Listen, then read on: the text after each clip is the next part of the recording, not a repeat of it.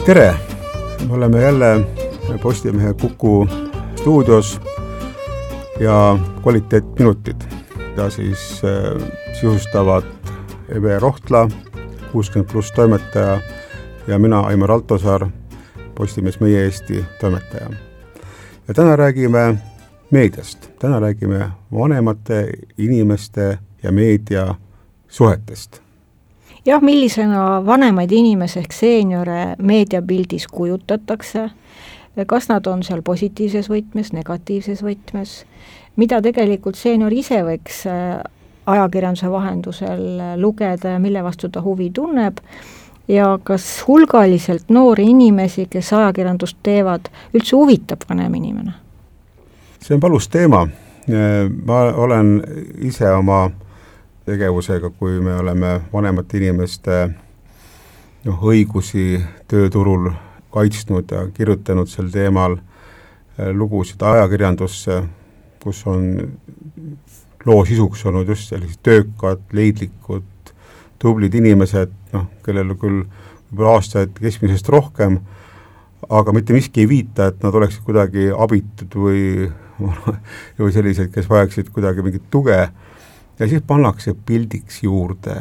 noh, üsna tavaline on see, et mingid vanemad daamid kusagil pargis selja tagant pildistatuna toidavad tuve, tuvisid näiteks. või on siis mingisugune vanem, üsna, üsna viletsa olekuga härrasmees kuidagi kepiga plangu najal seal kuidagi ja, ja ma olen alati olnud üsna kuri, ma ei ole selline inimene, kes kohe alati reageerib ja siis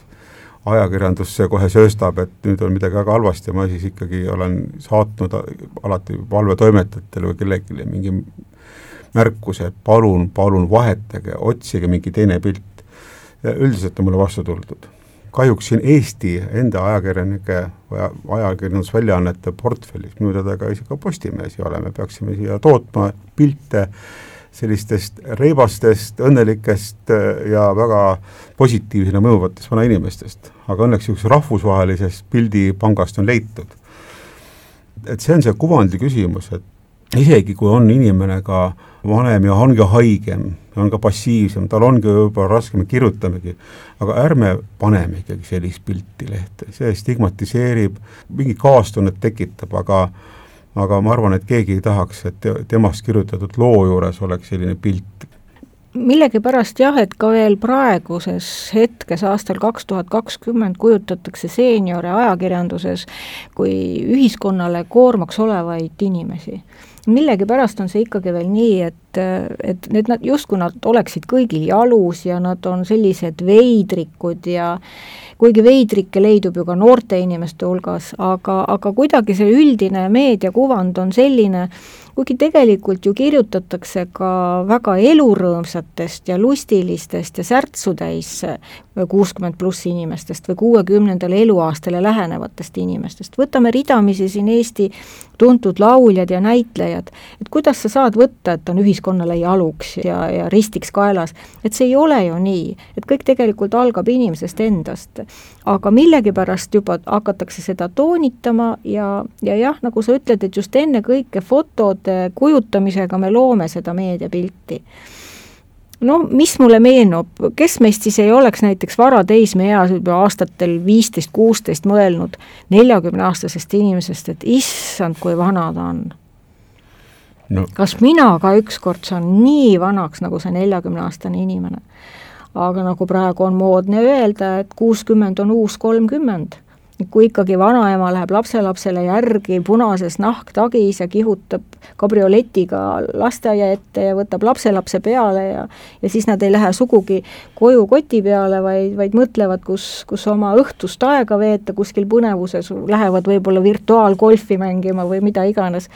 siis tegelik pilt ja elu on siiski teistsugune. Kuigi see ei ole veel valdav, aga aga millegipärast jah, kui me räägime seenioridest, siis me ei mõtle tegelikult kuuekümneaastasele, vaid meil läheb, meil läheb mõte tegelikult kaheksakümmend pluss inimesele. et, et justkui võib-olla teisest küljest järsku me peame neid kuuekümneaastaseid veel nooreks või ma ei oska ka öelda, et kas on selline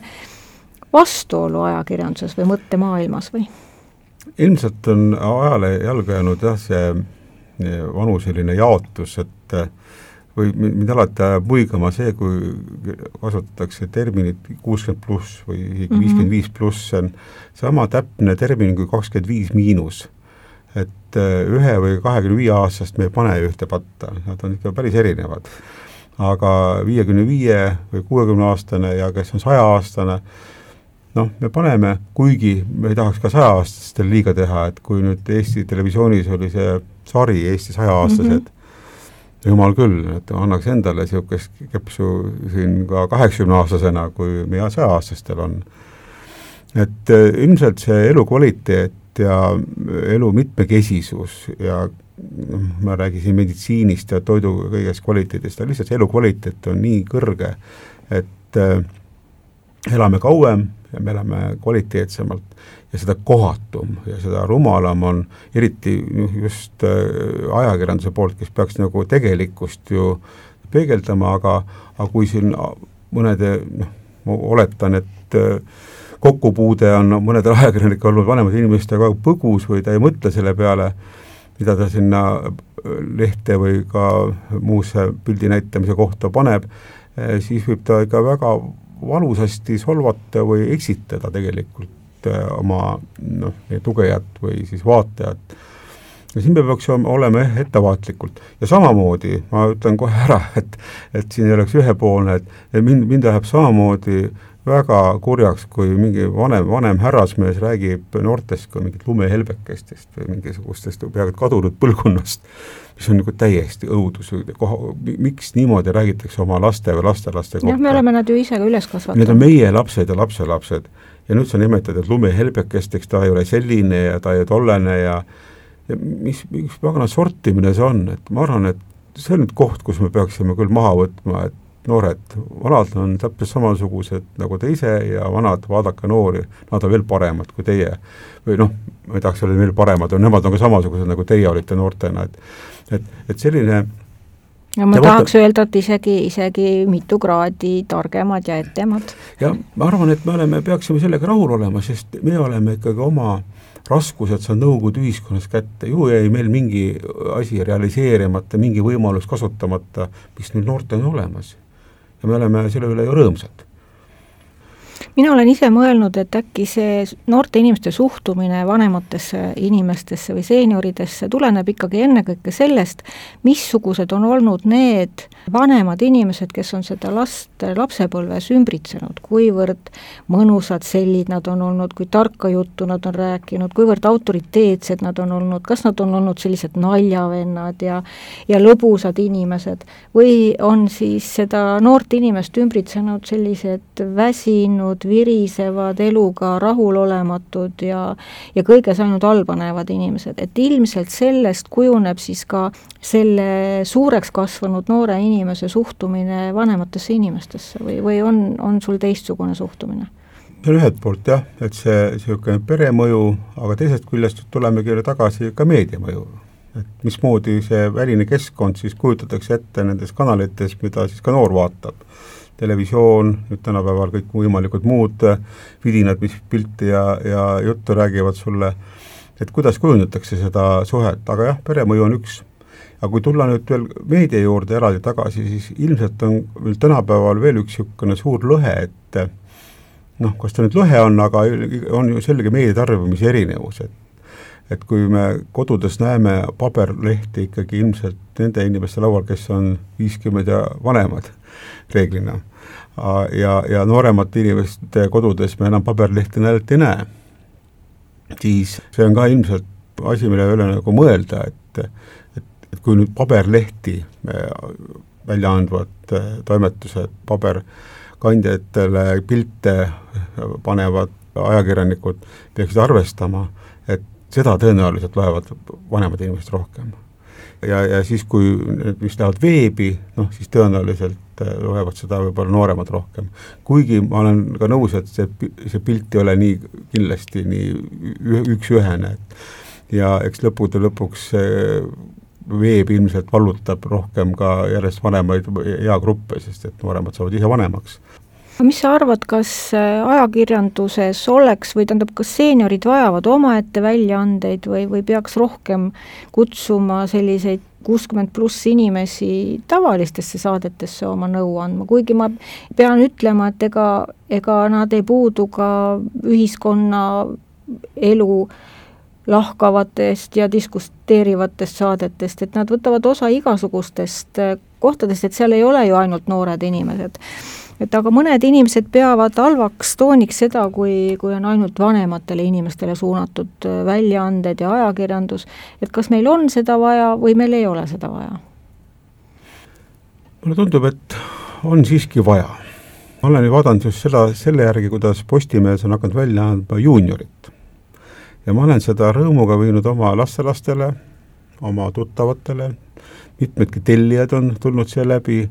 et noored vanuses kümme, neliteist või kellele see juunior on suunatud, nad tajuvad, et oo, see on midagi meile.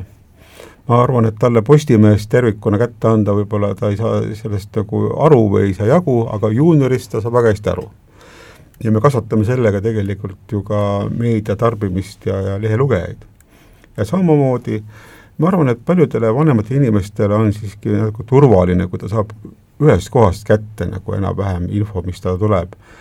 et eh, noh, mis minu nagu selline vaatepunkt on alati kuld, kuldliiga kontekstis, kes siis tegeleb tööturu teemadega, et et võib-olla oleks kas siis kuuskümmend plussi vaja natuke laiendada või me püüame siin oma nende raadiosaadetega siin eh, taskuhäälingus rääkida sellest tööteemast ka edaspidi ka rohkem, et et see on ju tulevik, kus inimesed järjest kõrgemas vanuses teevad järjest rohkem tööd. meile meeldib, küsimus ei ole isegi mitte pensionisammastes, aga see on nii-öelda majanduslik paratamatus, aga see on ka meie suur võimalus, sest me oleme lihtsalt tervemad ja, ja hakkajamad. et seda tuleks nagu ette valmistada, et võib-olla see vajab siis eraldi kas siis väljaannet või mingi olemasoleva väljaande parandamist täna ma olin just Sotsiaalministeeriumis, eh, kus oli juttu muude teemade hulgas eh, ühest ajalehest, millest mina polnud kuulnudki, eh, Elukaar. jaa, mina olen kuulnud, Sotsiaalministeeriumi toetusel antakse aga, aga selgub, et seal oligi jutt, et Sotsiaalministeerium seda ei toetagi, seda on toetanud hoopis hasartmängumaksu hasart, rahadega, aga nüüd see ilmselt lõpeb, sest keegi noh, nagu ma aru saan, seda vist ei loetagi või, või ilmselt on hoolimata toest, on see väljaanne praegu jäänud nagu seisma. aga seda enam on mul hea meel, et kuuskümmend pluss on äh, praegu ilmselt konkurentsitult äh, parim väljaanne, siis teisi lihtsalt ei ole samas sektoris ja ta on ka tõesti hea, ma olen hakanud seda hindama, aga, aga ma tajun ka, et mina paneksin siia kuhugi selle tööteema ka veel ju juurde või et eks me saame sellest edaspidi rääkida. ja mul süda hõiskas rõõmust, kui ma sain äh, eelmise nädala lõpus niisuguse kirja Harjumaalt, Kiili vallast. vanuseliselt ei ole ma selle ajakirja lugejate sihtgrupis, olen kahekümne üheksa aastane. kuid ema ostis ajakirja ja andis ka mulle lugeda siiski, olles ehk teistest lugejatest omajagu noorem, leidsin ka endal huvitavaid artikleid, näiteks pensionireformist rääkivad lood puudutavad ju kõiki, kes on sambaga liitunud ja need olidki siis selles ajakirjas selle kahekümne üheksa aastasele inimesele kõige huvitavamad ja informeerivamad.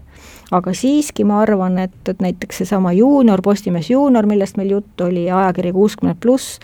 et juunioridel on ju omad huvid, omad teemad, nemad tahavad kergemat lähenemist ja, ja lühemaid lugusid, kusjuures seenior hindab pikka süvitsi minekut, ta tahab tegelikult kõikidele küsimustele vastuseid saada ja teda tihti ei rahuldagi see Päevalehe niisugune kahe-kolme tuhande tähemärgine asjast informeerimine, et ta tahab sinna taha ka vaadata, et miks, kuidas, millal mis asjaoludel, et ta tahab nagu natukene rohkem teada. ja ajakirja formaat võimaldab ju põhjalikumalt teemasse süveneda. ma arvan ka, et äh, kui paberkandjal väljaanded jätkuvad, ma usun, et nad siiski jätkuvad veel väga kaua, aga nad jäävadki siis võib-olla selliseks äh, sihtrühmade keskseks ja võib-olla sellised suured massiivsed paksud päevalehed, kus oli kõigile kõigest eh, noh, võib-olla tõesti need hakkavad ära kaduma turult, aga aga võib-olla jah, seenioritele, võib-olla ka seenioritele tulebki edaspidi mitu eri, erinevat väljaannet, sest et tõesti, nagu sa ütlesid, jube hea on ikkagi panna midagi laua peale, siis prillid ninale, siis sättida ennast ära,